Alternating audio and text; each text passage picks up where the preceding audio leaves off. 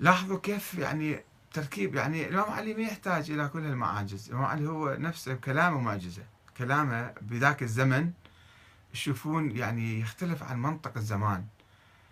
ملتزم بالعدل ملتزم باحترام الناس بحقوق الناس ملتزم بإعطاء الحق للمعارضة.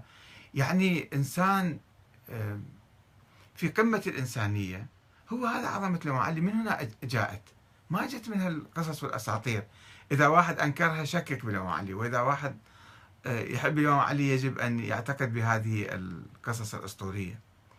والرواية القصة شوفوا يا أخوان يعني هي آه، بابل وهالمنطقة كان بها يهود أسرى اللي جابوهم من القدس وبقوا عندهم مقامات وهم يدعون أن الشمس ردت إلى نبي من أنبيائهم دانيال أو يوشع أو كذا عدة روايات عندهم أنه الشمس ردت إلى وصي من أوصيائهم أو نبي من أنبيائهم.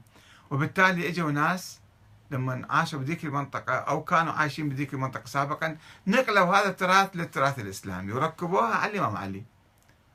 ركبوها على الإمام علي وصار الإمام علي ردت له شلون الشمس ترد إلى نبي يهودي أو وصي من أوصياء اليهود ولا ترد لهم علي؟ ما يصير. لازم عندنا شيء نباريهم به ونغلبهم فيه.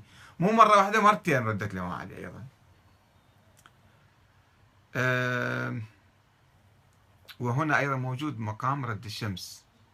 لاحظوا حتى في منارتين في منارة إسلامية وفي منارة يبدو أنا مو خبير جدا بالتراث يعني قد تكون منارة يهودية أيضا هذه. المخروطة بشكل مخروطة يعني مخروطي مقام رد الشمس الحلة بابل.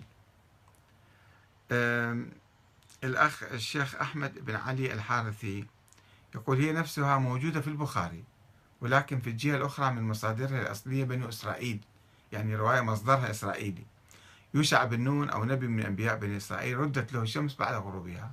فبس مر الإمام علي منك في حرب الخوارج فركبت عليه القصة.